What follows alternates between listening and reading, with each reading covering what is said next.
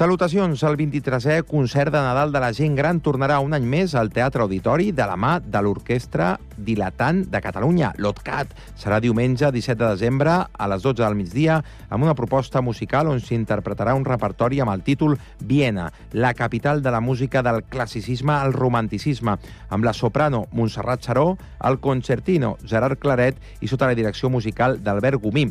A partir d'aquest diumenge repartiran 800 entrades gratuïtes que es podran recollir a tots els casals de la gent gran de la ciutat, a la Casa de Cultura i els casals i els centres cívics dels districtes. Per garantir l'accés a tothom, l'Ajuntament habilitarà un servei gratuït de busos que sortiran a les 11 del matí dels casals de la gent gran de les Planes, de Mirasol i Valldorets.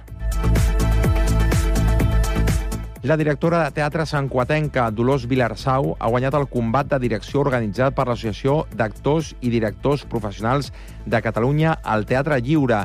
En aquesta primera edició de la iniciativa, celebrada aquest dilluns, s'han presentat 170 candidatures, de les quals s'han distribuït un 81,9% en interpretació, un 3,8% en dramatúrgia i un 14,4% en direcció. La proposta era un autèntic joc d'improvisació teatral pensat com un divertimento entre professionals per passar una bona estona i posar-se a prova, expliquen des de l'entitat. Tres directors, entre els quals Vila Arassau, han hagut de dirigir la mateixa escena, cadascuna amb un grup diferent d'actors i actrius sense conèixer el text a representar fins al mateix dia del combat. El públic present, el públic, el públic volien dir present a la sala, és qui ha determinat que Dolors Vilarassau hagi estat la vencedora de la proposta, que es disputava amb Antonio Valls i Marina Sales. L'Ateneu organitza enguany la desena edició del concurs de pessebres. Les inscripcions estan obertes fins al 12 de desembre i els interessats poden participar en qualsevol de les quatre categories, popular, artístic, innovador o col·lectiu. Els materials, estils, tècniques i mides són lliures i el jurat tindrà en compte l'originalitat, l'elaboració i el valor artístic. A més, amb el patrocini d'Òmnium Cultural, també es distingirà el millor pessebre creat per infants.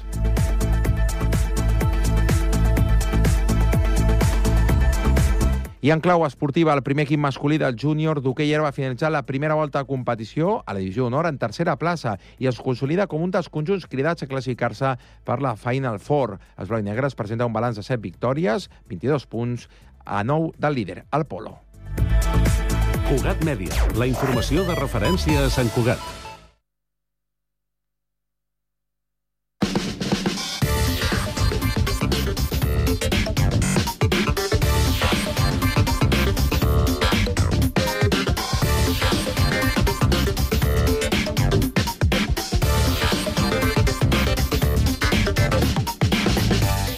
De la tarda, 3 minuts, inici de la segona i última hora d'aquest Connectats de, de dimarts. Informació de servei. Anem al trànsit per saber com està l'entrada i sortida a la ciutat Comtal, sobretot tenint en compte que és operació sortida. Avui i a aquesta hora de la tarda, Eduard Sánchez, bona tarda. Hola, bona tarda. Doncs, eh, de moment, on ens queden aturades des de l'autopista AP7, després d'una jornada complicada per un accident que hi ha hagut a mig matí, amb tres camions i dues furgonetes implicats. Eh, durant molta estona, durant moltes hores, hi ha hagut diversos carrils ocupats per acabar de retirar els vehicles i netejar la via. Ara ja fa una estoneta que estan tots els carrils oberts i això es va notant. El que queda, bàsicament, és l'altitud amb retencions en el tram entre Montmeló i Santa Perpètua de Mogoda en sentit Tarragona, més o menys uns 6-7 quilòmetres intermitents en aquesta direcció. En sentit nord també millorar les coses, tot i que encara hi ha un tram d'un parell de quilòmetres a la zona de Rubí Rubí Sant Cugat en sentit Girona, en aquesta autopista. A la resta, doncs, tenim la C58, aquí la zona de Montcada Ripollet, que és la que va més plena, en sentit Terrassa, l'entrada per la Pota Nord, entre Santa Coloma de Gramenet i el Nus de la Trinitat, i també les dues rondes on el trànsit va estirant també, va millorant, però encara, sobretot en sentit Besòs, a la de dalt, hi ha molta lentitud entre Diagonal i Llarca, i a la litoral, sobretot en sentit Llobregat, entre Prim i la Barceloneta. És tot. Bona tarda. Gràcies i bona tarda, Eduard. Anem ara fins al Transmet per saber com està funcionant el transport públic. Albert Garran. Doncs en aquests moments ja s'han normalitzat les afectacions a la línia Llobregat-Anoia de ferrocarrils, en concret a les línies, recordem, R5 i R50, que recuperen la normalitat a tota la línia. També destaquem, per altra banda, la línia R3 de Rodalies, a la part aïllada del nucli de Barcelona, alguna afectació puntual al tram comprès entre Ripoll i Puigcerdà a causa de la neu que afecta algunes instal·lacions. Pel que fa a la resta de la xarxa, avui dimarts parlem de moment de normalitat on no destaquem cap altra incidència rellevant. La resta de serveis de transport públic funcionen segons els horaris i freqüències de pas planificades. De moment això és tot des del Transmet.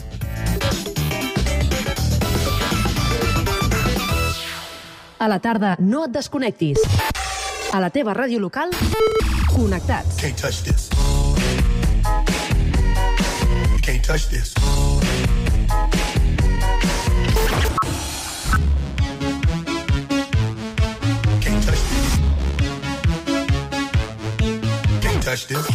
Connectats amb Carme Rebell.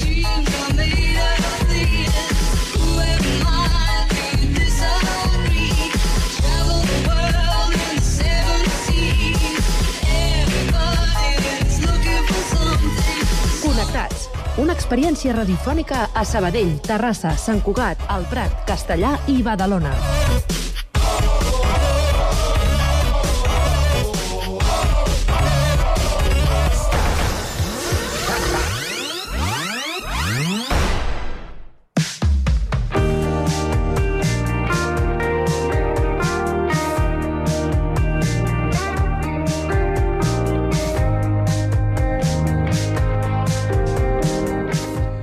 Segur que si sou viatgers en alguna ocasió heu fet eh, un free tour, ni que sigui per curiositat.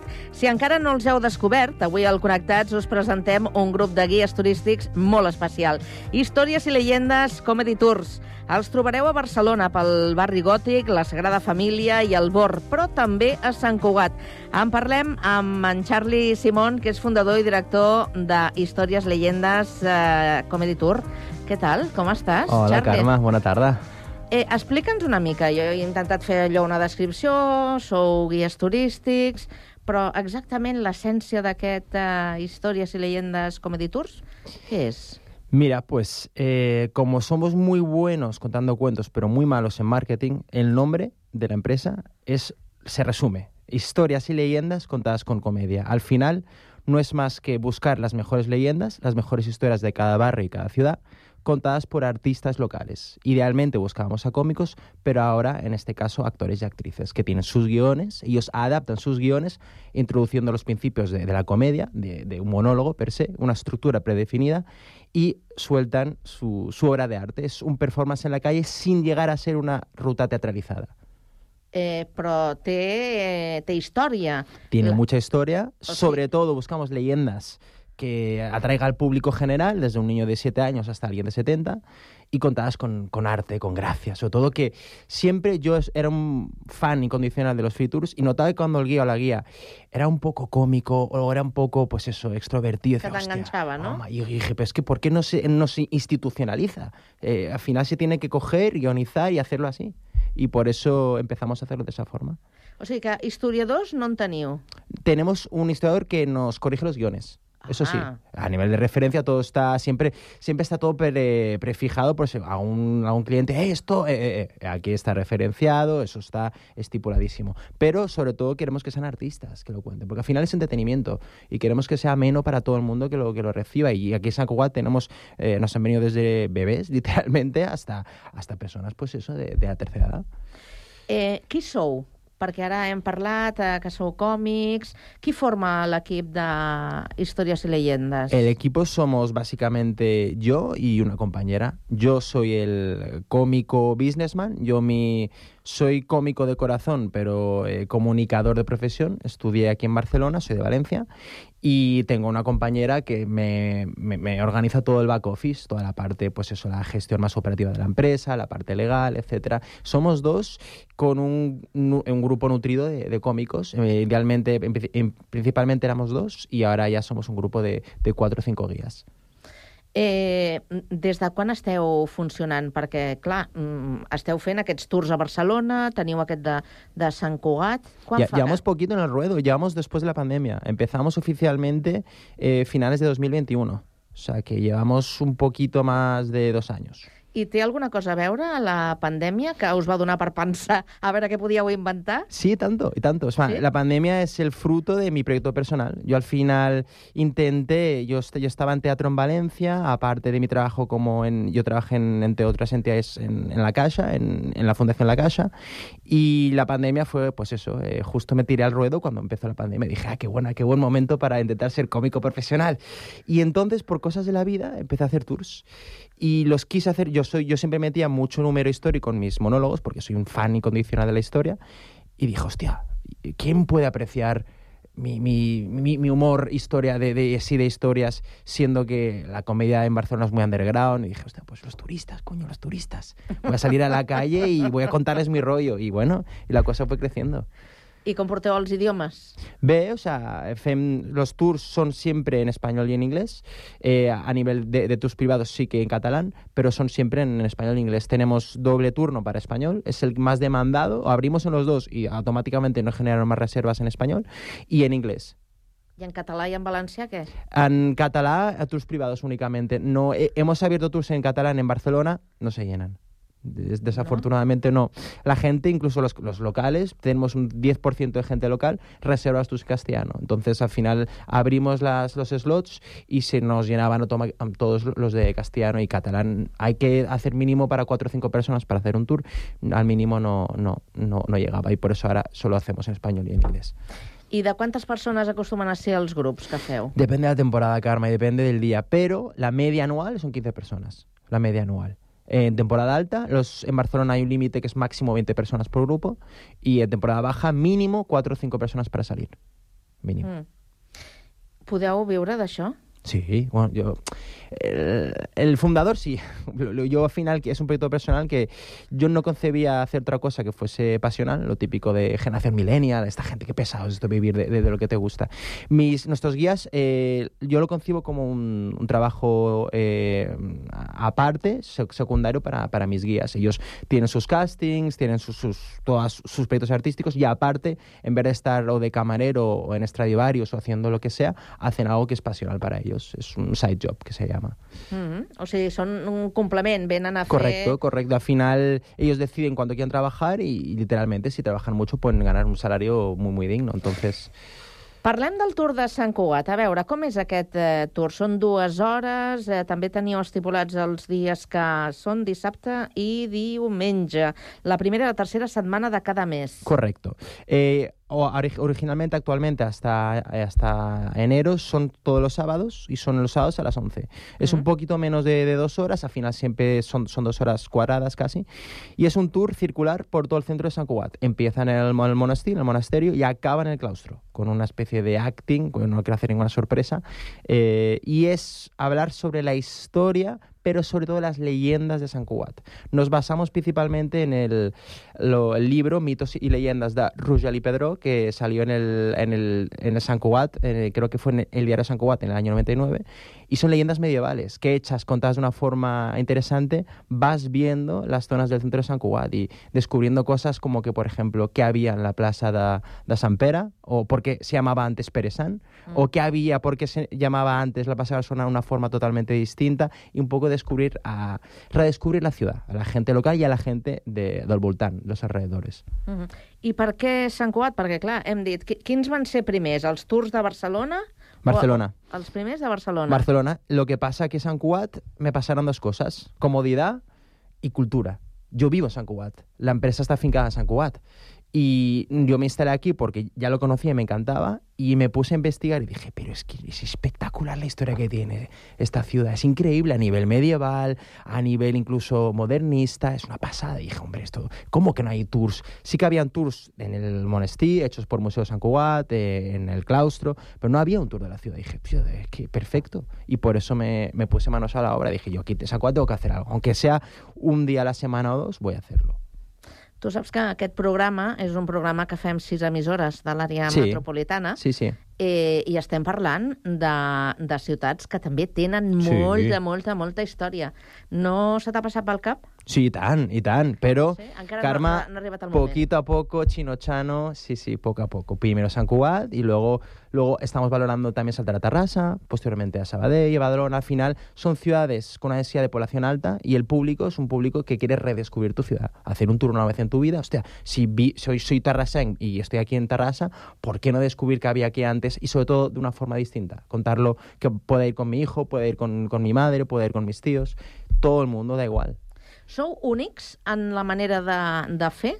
O ja existeixen, encara que siguin fora de, de Catalunya o Espanya? Es pretencioso lo que voy a decir. Y todo el mundo siempre quiere ser único, pero yo estoy convencido de que sí que lo somos porque al final no es más que una traslación de un proyecto personal. Hay tours de comedia, hay tours de teatro, pero no hay tours de leyendas e historia con comedia. Hasta día de hoy, ni incluso fuera de España. Sí que fuera de España hay muchos tours de comedia, eh, hay visitas, rutas teatralizadas, pero no hay algo así. Es un ADN muy particular porque al final es bebe de una necesidad propia mía. Uh -huh.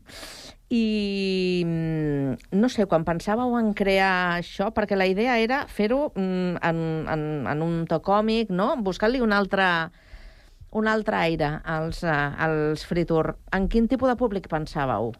Pensábamos originalmente, fíjate, por eso te decía, un público anglosajón.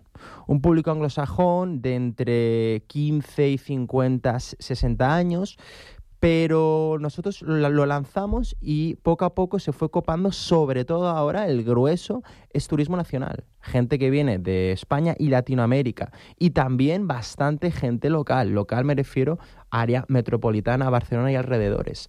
Y al final simplemente era para aquellos que quieran escuchar leyendas de forma entretenida. Porque yo sí vi que si haces tours y hablas de la gastronomía, de la cultura, quieres abarcarlo todo, hostia, no. Y, pero si cuentas leyendas como si fuese un Netflix en la calle, es espectacular.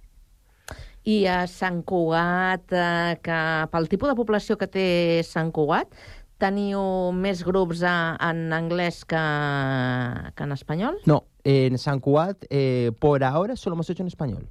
Només? Arrancamos San Cugat en mayo y solamente hemos hecho en español.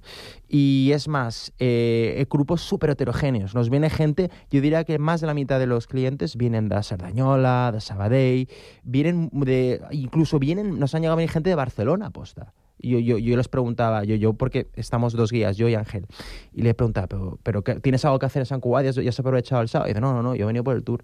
Y yo, hostia, qué, qué honor tú, qué honor.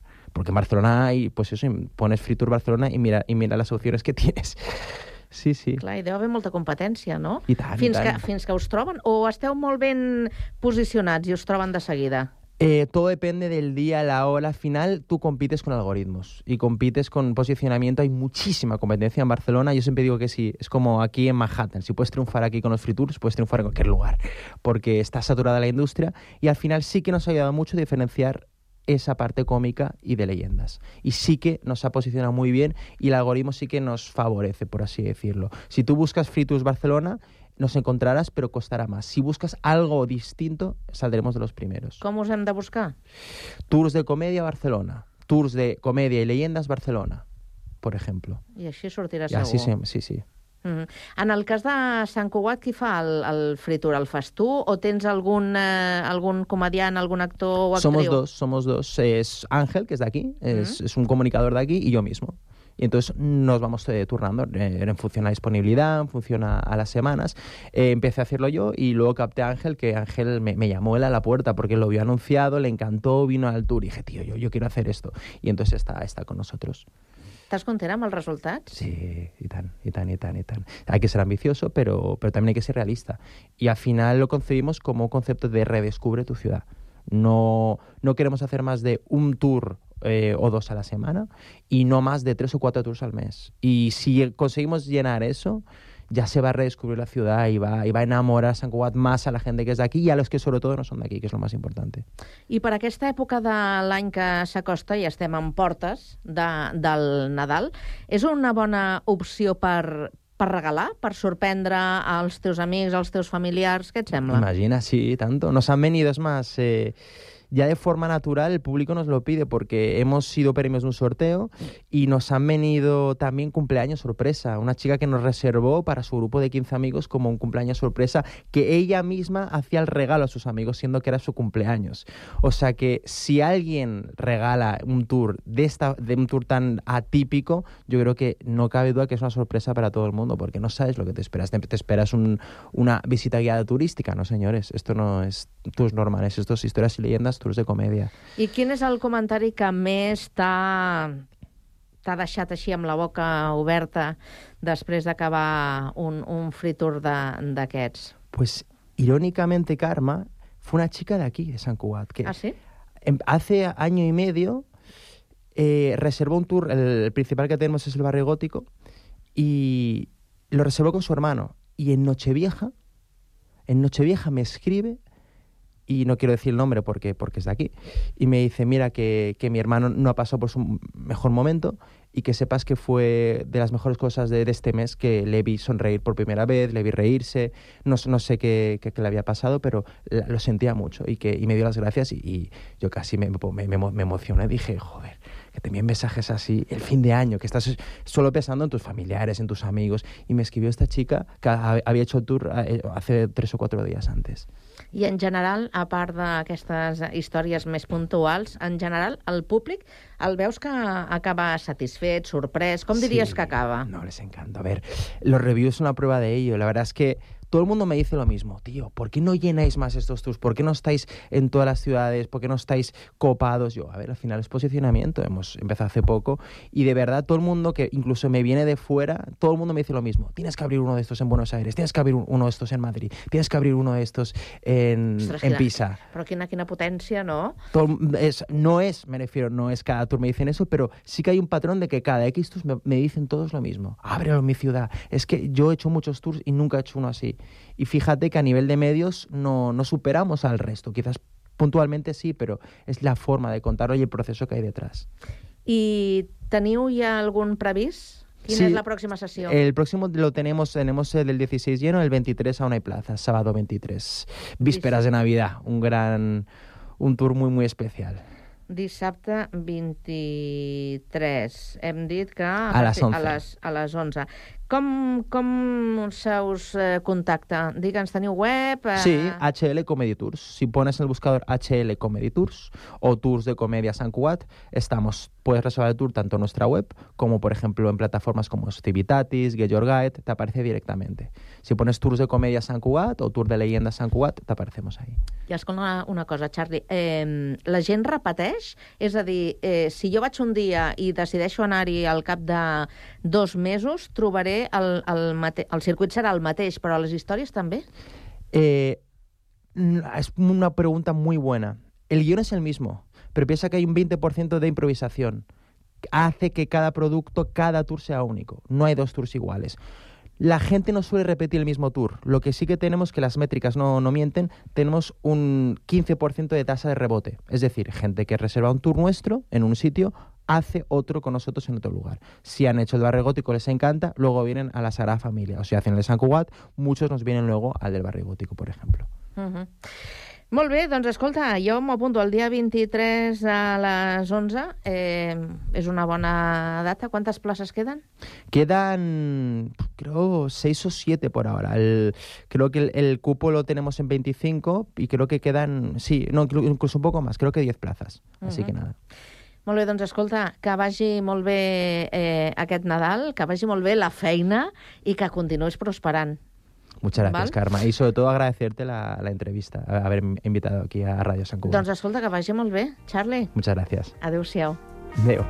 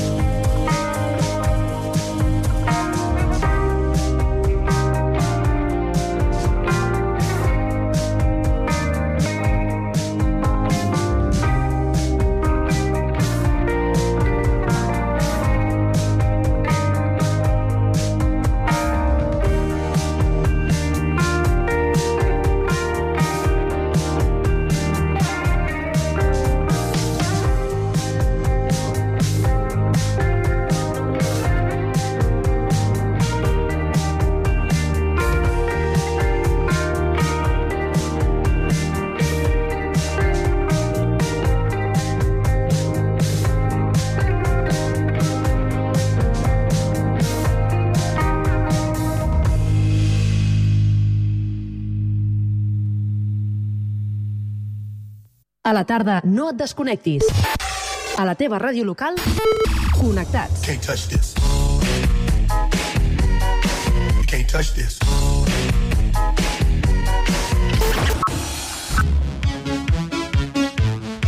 Can't touch this. Can't touch this. Connectats amb Carme Rebell.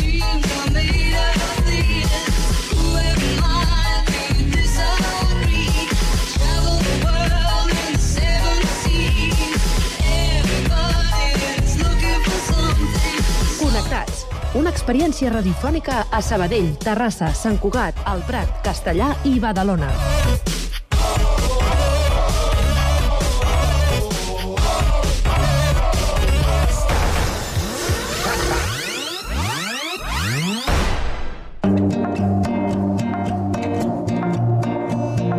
Bocabadats. Aquest podcast és una producció del Prat Ràdio.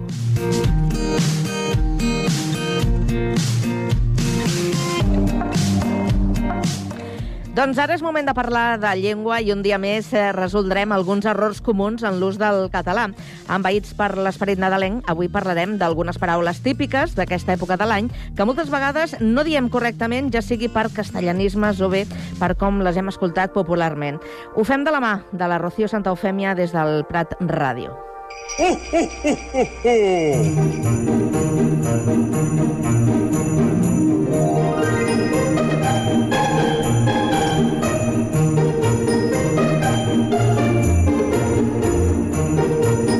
és aquí l'època més màgica de l'any, Nadal. És temps de cagatió, nit de Nadal, Pare Noel, nit vella, o era nit de cap d'any? Un moment, sabríeu diferenciar quins d'aquests conceptes són correctes i quins no?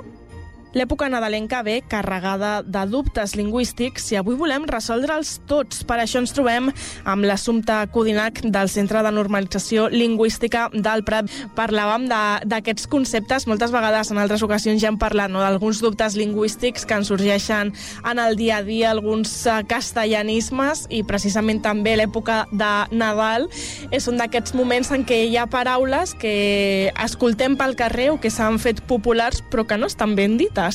De fet, ja començàvem dient algunes d'aquestes, no? Quines són les incorreccions més habituals? Bé, sí, eh, la veritat és que, que se'n fan unes quantes d'errades eh, parlant d'aquests dies de les festes de Nadal. Eh, comencem, per exemple, doncs, eh, amb el 24 de desembre, que és la nit de Nadal. No podem dir en català la nit bona, per exemple. D'acord? Vull dir, hi ha persones doncs, que fan aquesta traducció literal del castellà al català, de la Nochebuena fan la nit bona i no és correcte. Uh, en català hem de dir que és, és la nit de Nadal, d'acord? Uh, I la nit de Nadal, mm, o en algunes llars també es fa el dia de Nadal, uh, fem cagar el tió. Caga, tio, tio de Nadal, no caguis arengades, que són massa salades. Clar, el concepte aquest de, del cagatió, com que el tio caga, no? moltes vegades també ho diem malament. Uh, hi ha paraules uh, que diem malament per castellanismes, no sé, per exemple, uh, se m'acut l'aguinaldo, es diria així en català? Aguinaldo no es diu així en català, en català serien les estrenes. La, el que es diu... Pròpiament és un, és com un obsequi que es dona o una gratificació que es dona a alguns treballadors eh, per, la, per la seva feina i llavors eh, en aquest cas en català en diríem estrenes i a més a més és una paraula que es fa servir en femení i en plural.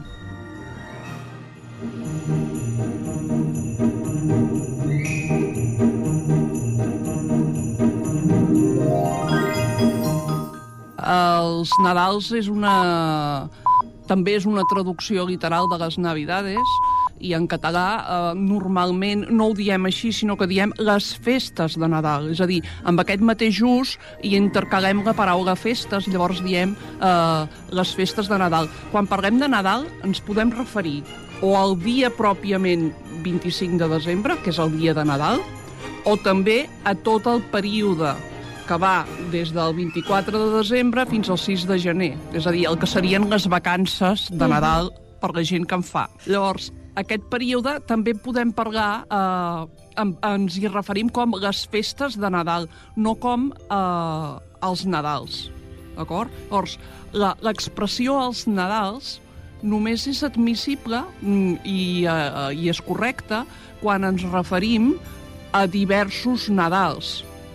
Per exemple, si jo dic eh, jo encara recordo els Nadals que de petita vaig passar a casa els meus avis al Pirineu, per exemple. M'estic referint a que vaig passar diversos Nadals, més d'un, i llavors de diversos anys, lògicament, i llavors, en aquest cas, sí que puc dir que recordo eh, amb, d'una manera molt entranyable aquests Nadals o els Nadals que vaig passar, però perquè m'estic referint a, a uns quants Nadals de diversos anys, o per Nadal, que també és un, una expressió que s'utilitza, no? Per Nadal aniré a esquiar. No vol dir que vagis a esquiar el dia de Nadal, precisament. Vol dir que durant aquest període aniràs a esquiar.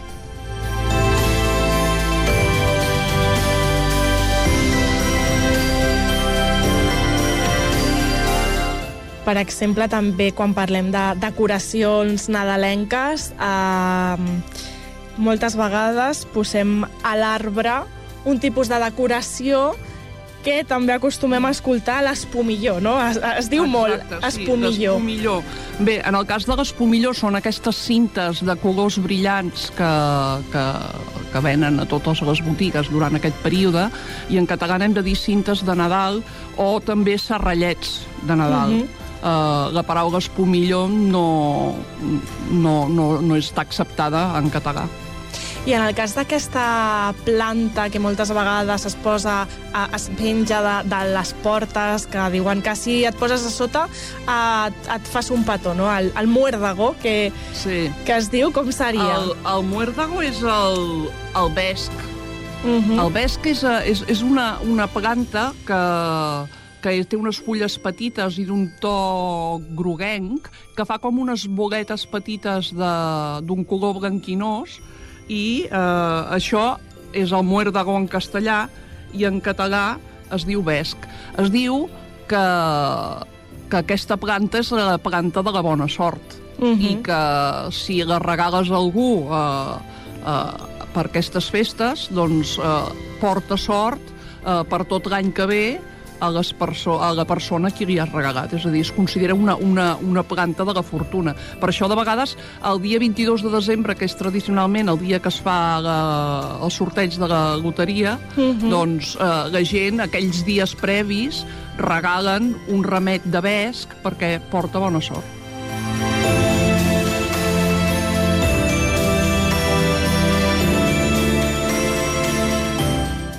Hem parlat de, de la nit de Nadal, que és la nit del 24, no nit bona, i de la nit de Cap d'Any, que és la del 31, no nit vella, i precisament el que fem eh, tradicionalment eh, aquesta nit de Cap d'Any és, eh, amb les 12 campanades, ens mengem el raïm, però com es diria, no? Eh, ens mengem 12 raïms... No, hi ha diverses coses. Evidentment no hem de dir nit vella, de la mateixa manera que no diem nit eh, bona, és la nit de Cap d'Any, perquè en realitat el dia de Cap d'Any és el dia 1 de gener, és a dir, és el primer dia de l'any que comença.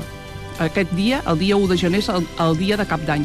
I la nit de Cap d'Any, lògicament, és la nit anterior, és a dir, de les 12 de la nit del 31 eh, cap endavant. Això seria la nit de Cap d'Any. Llavors, a la nit de Cap d'Any és tradicional fer el sopar de Cap d'Any o la rebella de Cap d'Any, d'acord? La, la celebració prèvia eh, a l'inici d'un any nou. Llavors, aquí també hem de diferenciar. Quan diem any nou ens referim a tot l'any que comença. El cap d'any és només el dia 1. Llavors, la tradició diu que el dia, el dia de cap d'any, la nit de cap d'any, a les 12 de la nit, quan toquen les 12 campanades, hem de menjar raïm. Doncs bé, en català ens mengem el raïm.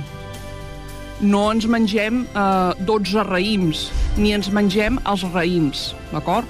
Aquí també tornem a tenir una traducció literal del castellà, perquè en Mhm. castellà ho diuen en plural, i llavors nosaltres eh, en català doncs, ho, ho, ho diem diferent, i en aquest cas és men- menjar-se el raïm.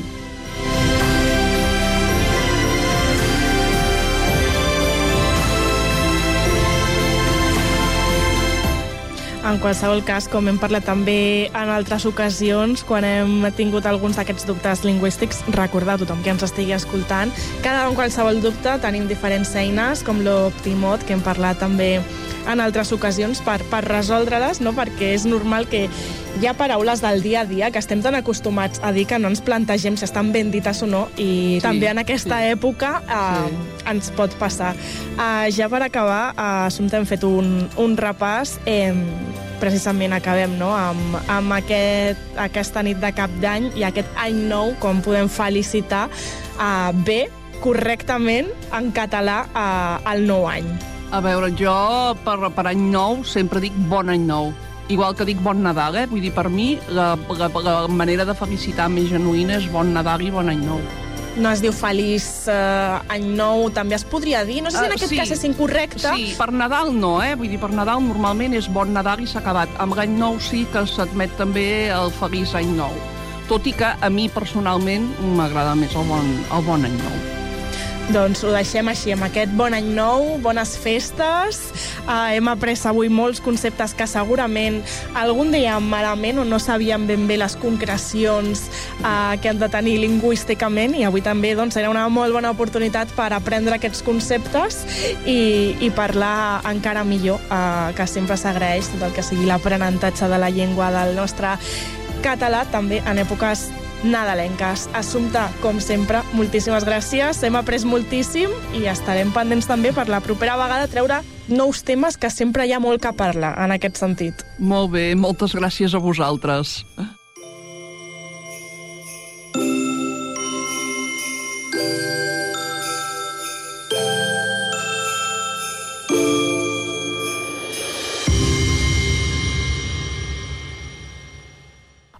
Sóc l'Arnau del Prat i us recomano el llibre La llengua del Tercer Reich, de Viktor Klemperer.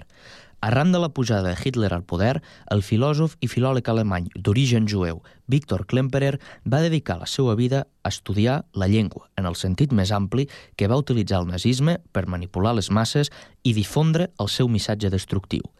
Originalment publicat el 1947, La llengua del Tercer Reich recull anys d'anàlisi dels discursos de Hitler, com també dels llibres, les publicacions, les converses i les al·locucions de tots els seus acòlits i imitadors, i esdevé una dissecció apassionant i alhora inquietant que posa de manifest que la llengua, usada perversament, es pot convertir en una terrorífica arma de destrucció massiva.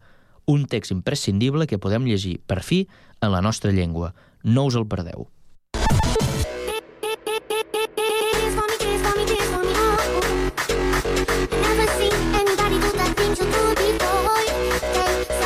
Connectats, una experiència radiofònica a Sabadell, Terrassa, Sant Cugat, El Prat, Castellà i Badalona.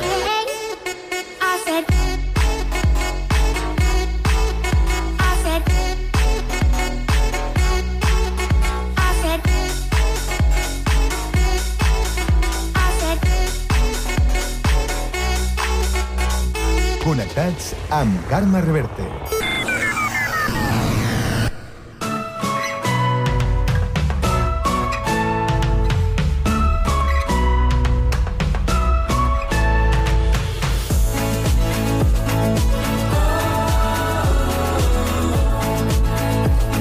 I en el tram final d'aquest eh, Connectats arriba el torn per a la cultura, avui des de Castellà, on tenim a la Lídia Urrutia del programa Les Dames del Crim, que ens porta una recomanació literària que a ella li ha encantat. Es tracta del llibre La Babilònia 1580, de l'escriptora Susana Martín Gijón.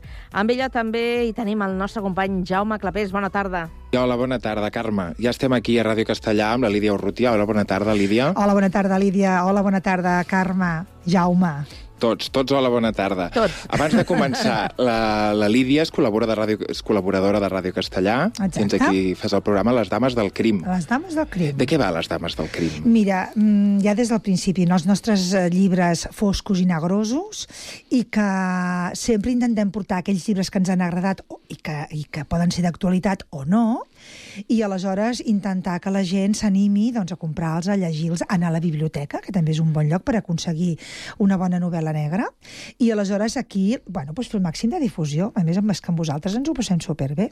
D'acord, estupendo. Llavors, emplacem a la gent que vagin a l'actual.cat i busquin els vostres podcasts. Exacte, sí, perquè el, això et volia comentar, el tema dels podcasts, perquè és una cosa nova que estem fent en aquests moments. Uh, els nostres podcasts mm, ja hem fet uh, quatre, quatre autors. Uh, hem parlat d'Humberto Eco, del nom de la Rosa, hem parlat amb el Xavi Álvez uh, Llevaria del Confident, uh, directament amb l'escriptor, hem entrevistat també uh, juntament amb el del Confident i amb el del Humberto Eco, vam parlar amb un historiador, molt interessant. La Laia Vidal, que també és un llibre molt nou que ha sortit mm, de llibres del delicte que es diu Només tinc ulls per tu. I darrerament el Passado nunca no s'olvida, que aquest és el Daniel Jerez, que la veritat que és un llibre molt, molt bo, que si tenim un momentet també faré un petit apunt. Però bueno, mm, vosaltres entreu al, di al diari de l'actual. L'actual.cat. A l'actual.cat. a la secció de Ràdio Castellà i busqueu el programa Les Dames del Crim. I sortiran tot el podcast. Sí, i també a Spotify. Ah, exacte. I Això em va fer molta Spotify. il·lusió, eh? Una mica Fa més i il·lusió estar a Spotify. Molt, molt, molt, molt, Sí? de veritat que sí. Sí, jo també tinc un programa a Spotify, fa com il·lusió veure's Sí, allà. sembla que siguis, no sé, algo com Sí. molt important, no? Sí, exacte. Però anem a pams, avui ens vens Sí. a parlar d'un llibre en concret. Sí, eh, et vinc a parlar de la Susana Martín Gijón, una gran escriptora que molta gent la coneixeran per la seva trilogia que té eh, de la, de, de la ten, inspectora, que és inspectora, la Camino Vargas, amb els seus llibres Progenie, Especie i Planeta. De fet, té uns altres llibres que no són de la inspectora, que són Más que cuerpos, eh, Náufragos, Des de la eternitat i, i a la novel·la d'avui, Babilònia. La Babilònia 1580.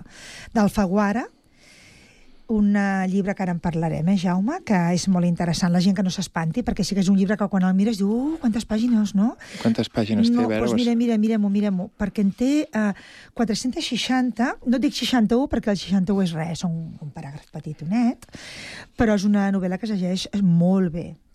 Escolta, ara quan parlaves d'aquesta d'aquesta escriptora i d'aquesta Mm. trilogia de la investigadora, pot ser que hi hagin adaptacions? Cinematogràfiques. Sí. sí, crec que sí. Ara m'agafes una mica en fals, però sí, penso que sí. Ai, només sí. no has dit... Et sona, eh? Sí, sí, sí, sí. crec que sí. I el que ara no et sabria dir, eh? no me n'en recordo, però eh, sí que és veritat que, a més a més, ella té una característica, en aquesta novel·la també ho veurem, que hi ha moments molt cinematogràfics, o sigui que realment, bueno, dius, ostres, això quedaria molt bé, no?, plasmat en, en, una, en una pel·lícula. Sí. Uh, nosaltres aquí ens trobem amb una Babilònia, evidentment, del 1580, i també uh, és la primera vegada, si no m'equivoco, que ella treballa novel·la negra històrica. No, els autors no els agraden el tema dels subgèneres, però sí que estem parlant de novel·la noir històrica, és així, no? I sí que és veritat que ella es va trobar amb un manuscrit i és molt bonic com ella explica que dorm amb el manuscrit, viu amb el manuscrit, mmm, es lleva d'hora als matins per poder llegir aquest manuscrit i amb aquest manuscrit és quan ella se li desperta la idea de dir, doncs vaig a fer una novel·la històrica. El manuscrit realment és real. I quan començava el llibre, hi ha una plana i mitja, per dir alguna cosa, que si jo, de, ah, mira, us demano als oients que quan la compreu llegiu detingudament aquesta plana i mitja perquè ens, ens n'adonarem que després no veiem més de res d'aquesta persona i ens queden molts punts amb l'interrogant de dir però què, què volia dir allò? Vaig a tornar-m'ho a llegir, Perquè no? estem parlant que el manuscrit aquest és, una, és un diari en primera persona d'algú? D'algú, sí. És de... I és real. I és real. Però en aquesta primera plana i mitja el que ens diu és que soy una senyora de Toledo, per lo que ens dona a entendre està els últims anys de la seva vida, i ho escriu a Lisboa a l'octubre del 1603. Quan tu has llegit això, com que tu vas directe i pensant en Sevilla, no? Te n'adones després que dius, bueno, i què tenia que veure allò que m'estava dient aquella persona, no?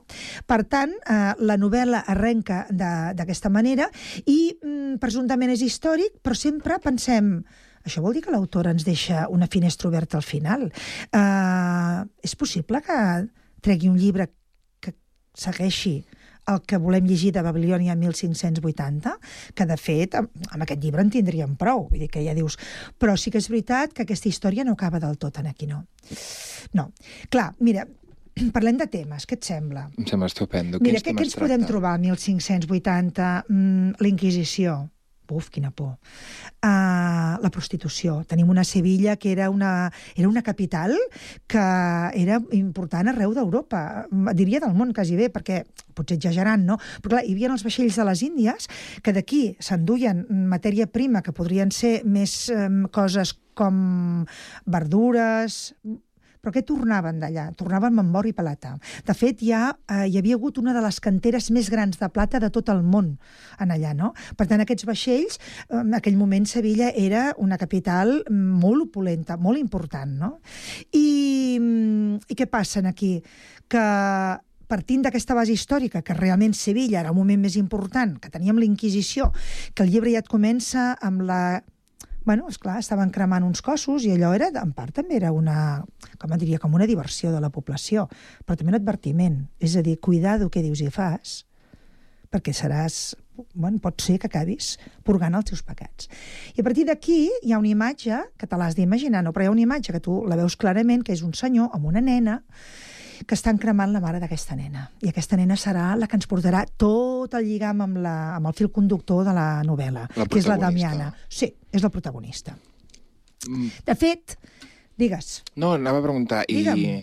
i l'acompanyem, la, creixerà aquesta, aquesta protagonista al llarg del temps o sempre serà una nena? Sí, no, Va quan, quan, ja, quan ja representa que, que aquesta nena ja, ja ha crescut, ja ens la posen que ha crescut. És a dir, la, la Susana ens posa aquesta primera imatge, que, i dic imatge perquè està com molt ben viscuda, i, i doncs la Damiana ja és més gran. I, I, de fet, eh, acabarà el llibre que la Damiana, mm, amb aquest aquest període de temps és el que té el llibre, per tant, ella és adulta, és una noia jove, perquè penseu que allà una noia de 18 anys ja era una dona, i ella, de, de fet, durant tot el llibre, la Susana Martín Gijón ens està posant una dona valenta, una dona transgressora, una dona fins i tot amb una mirada penetrant, amb una mirada de determinació, no? una dona que, que es dedica a la prostitució. Perquè en aquell moment o eres monja, o feies prostitució o estaves casada i sus labores, per dir d'alguna manera, no? I aquesta dona és una, una dona que comença a trencar aquests estereotips. Mm, però, clar, estem parlant que és una novel·la negra. Per tant, si és una novel·la negra, a veure, busquem... Busquem algú ha de morir, hi ha hi ha d'haver- Ara, hi ha d'haver ara, alguna ara, part. Ara, algo. El, el vaixell més important que tenim en el port apareix un matí amb la, com se diu, amb la pell, amb la cara d'una dona que és, era pèl roja, però està, eh, com se diu, mm, despellejada. Ara no em surt en sí, català, sí, sí, tu. que li han tret tota la pell. Total. I això és mal presagi. O sigui, això ja comencem llavors amb les, eh, com se diu la gent quan té supersticions, no? Per tant, parlem de supersticions, parlem d'inquisició, parlem de morts, parlem de prostitució, eh, i aleshores aquí comença, com- comença el conflicte. És a dir, eh, si jo vaig carregat eh, amb una sèrie de, de, com se diu, de productes que m'haig d'endur cap al nou món, ja comencem malament, perquè molts mariners ja comencen a dir que ells no es posen en aquí, eh? que, ostres, no? Hem de veure una Sevilla que està a la Mancebia, és a dir, on, on hi ha les prostitutes, és legal realment, no? I en allà, doncs, la, els capellans són els que, concreten hi ha un, que més és un personatge històric, que després en parlarem, que procura per la seguretat d'aquestes dones, procura també per la, entre cometes, higiene d'aquestes dones, i mm, quan els navios eh, s'aturen en aquest port, doncs saben que anar a aquesta mancebia tenen una certa seguretat de que la prostitució que trobaran allà doncs, són dones amb, amb coneixement i no t'ho perdis. Quan una prostituta té 18-19 anys ja la troben una mica massa gran. La que han bueno, clar, matat, el 1500. què et sembla, clar. oi? Fort. Fort. I llavors sí que és veritat que aquesta dona que, que, que l'han trobat despellejada en el, en el mascaró de proa, a més a més, que és el mascaró, és el, el lloc on realment té un, molta importància el, el, el vaixell, eh, clar, a partir d'aquí mm, comença el conflicte perquè no serà ni la primera ni l'última mort. Ahà. Ahà, exacte. I serà la nostra protagonista, serà una mica investigadora? Clar, perquè aquí no tenim policia, correcte, molt bé. Aquí tenim eh, el, el que és el capità del vaixell, quan se'n va cap a, a la Mancebia, a partir d'aquí és quan comença a relacionar-se amb la Damiana, però aquí què passa? Que la Damiana té una amiga des de petitoneta, que no és prostituta, és monja. I aquesta, aquesta noia, mm, quan ella és a dir, ella li explica la va veure tant, tant al convent com d'amagat, i li explica què està passant. No? Doncs aquesta persona que ha mort és una persona que era molt propera a la Damiana. I llavors la, la, la seva companya, que es diu Carlina, la seva companya, que es diu Carlina, es va posar en el convent així com l'altra va decidir anar-se'n a fer de prostituta, es va posar en el convent perquè li agradava molt de llegir. I aleshores en el convent, gràcies en el, en el capellà, que va veure-la, li porta llibres. I doncs ella, eh, sort d'això, es va culturitzant. No? Però aquestes aventures que, que van passant eh, mm, tenen també els seus problemes, perquè hi ha un... com et diria jo? O sigui, hi ha un manuscrit que està amagat i que la Carlina el té amagat justament ella. Però no li poden trobar, perquè està en un lloc molt concret. Aleshores, eh, aquestes dues persones mm, són les que realment portaran el pes de la novel·la i n'hi ha una altra, que no l'anomeno, que és una monja, que aquesta és una monja que sí que va ser realment una monja històrica, que era molt... mm, La paraula no seria amiga, sinó que amb Santa Teresa de Jesús eren de les um, clarisses, del convent de les clarisses, i llavors aquesta monja que, juntament amb aquest capellà, que hauríem de... A veure si me'n puc en recordar de com es deien els, els capellans. Sí, em sembla que ella es deia Maria Salazar de Torres, que era aquesta persona que era una gran, una gran escriptora i, i a més a més, mm, eh, era la favorita de Santa Teresa de Jesús, li deien la monja letrera, perquè era una monja que estava molt ben culturitzada. I el padre León és el que també ens trobem, que aquest era jesuïta. I tots aquests són personatges històrics reals que De la, apareixen. ah, exacte, que apareixen en aquí, no? Perquè les dues protagonistes... A veure, una és la que li interessa molt esbrinar. Per què s'ha mort aquesta dona del cabell pel roig, que no vull aprofundir més perquè llavors faríem uns quants spoilers, i que també l'ajuda d'alguna manera la Damiana. Però la Damiana es trobarà amb molts problemes, que tampoc els puc dir, amb molts, amb molts problemes. Home, 500 pàgines que vas dir bé, de, de problemes. Molts. Uh, pensa que en aquí, a la, la, la, la rerefons d'aquesta novel·la, a la tripulació dels vaixells, eh, clar, s'anaven cap, a, cap a la Mancebia, però no tothom podia accedir a la Mancebia. Llavors et trobaves en prostitució que estaven a fora, en el port, i, i clar, els mariners sortien i es anaven mirant pues, això, quina dona estava més bé, quina els hi semblava doncs, més provocadora, però parlant d'edats molt juvenívoles, eh? No, no, si, si 18 ja eren al·lucinants. I llavors què passa? Que un dels mariners que no pot entrar a la Mancebia i que s'apropa cap a la vora del port, o sigui, on tenen els vaixells, es troba amb una dona, una noia, una dona que bueno, li fa els gestos necessaris i, i l'indueix per portar-lo cap a... Bueno, sota un parrac, perquè aquelles no tenien de res. I quan es posen sota el parrac, torna a haver un cadàver. O sigui que, ai, ai, ai, ai, ai. Me l'estàs venent, me l'estàs venent estupendament. Està molt bé, està molt bé. Jo, la veritat és que... I, que... i hem d'anar, hem d'anar, em sap greu, hem d'anar concluint. Eh, que anem de concluint? Sí, doncs escolta, Que- fem una cosa. Sí. Um, per acabar, resumim-ho, si et Sí, sembla, sí. perquè si no la gent pensarà, aviam, no és escabrosa, eh, també t'ho dic, eh? Perquè quan hem parlat de desollar, ara m'ha sortit això, desollar, bueno, sí, uh, no és escabrosa en absolut, eh? a més està molt ben escrita, té una prosa maquíssima, i llavors, per resumir, és un noir històric àgil, és a dir, aquestes pàgines, no us imagineu que esteu allà, a veure, torno enrere, torno endavant, no, és àgil. Uh, les trames, mm, fantàstiques.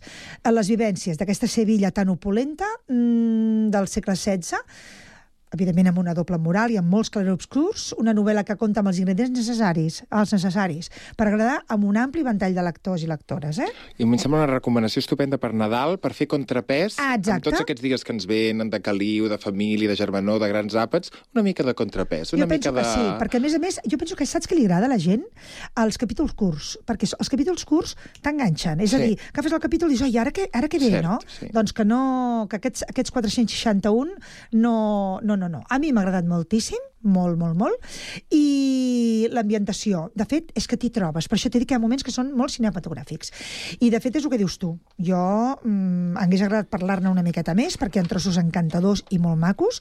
A més, l'autora, m'agradaria que entréssiu també a mirar quin tipus de dona és, com aboga pels Martín. drets de la dona, a Susana Martín Gijón, pels drets de la dona, i com ella ha participat en segons quins eh, ens que són fantàstics, per tant, ho treballa molt bé, com ens posa aquí les dones, el punt fort, que és, és la dona, i, i que, a més a més, jo crec que continuarà, però si més no, acaba d'una manera que també la veig molt lògica, amb tots els enrenaus que ens posa aquesta autora.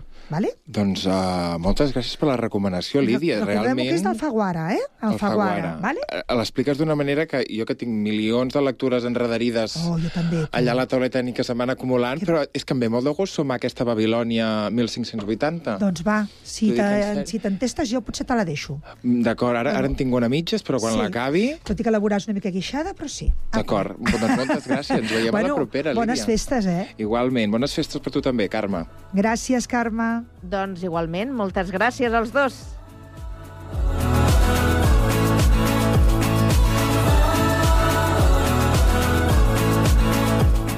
Bé, doncs, eh, per avui s'acaba la història d'aquest eh, Connectats de dimarts. Eh, demà no hi haurà programa, ho sabeu, però sí dijous, a partir de les 4 i 3 eh, minuts, amb una edició especial amb motiu d'aquest eh, pont.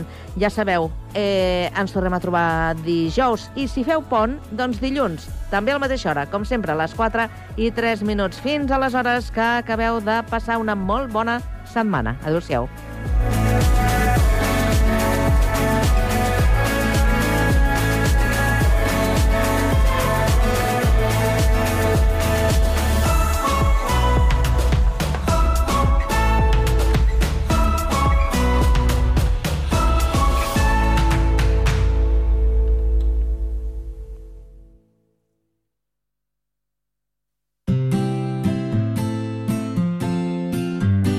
Aquest Nadal confia els teus àpats a Teca Sàbat, plats preparats amb productes frescos i de primera qualitat. Des dels plats de tradició nadalenca fins als més elaborats amb una àmplia gamma on triar el que més s'adapta als teus gustos. Sorprèn els teus i gaudeix del plaer de convidar i no cuinar amb Teca Sàbat. Teca Sàbat. Ens trobaràs a la Rambla Ribatallada número 26, al passeig Francesc Macià 87, I a un clic a tecasàbat.com.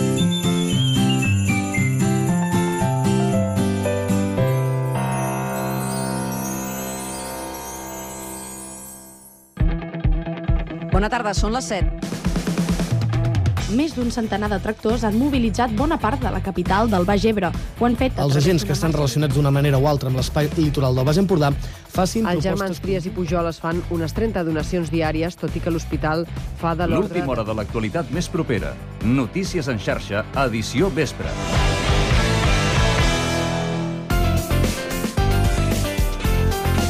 Ràdio Sant Cugat.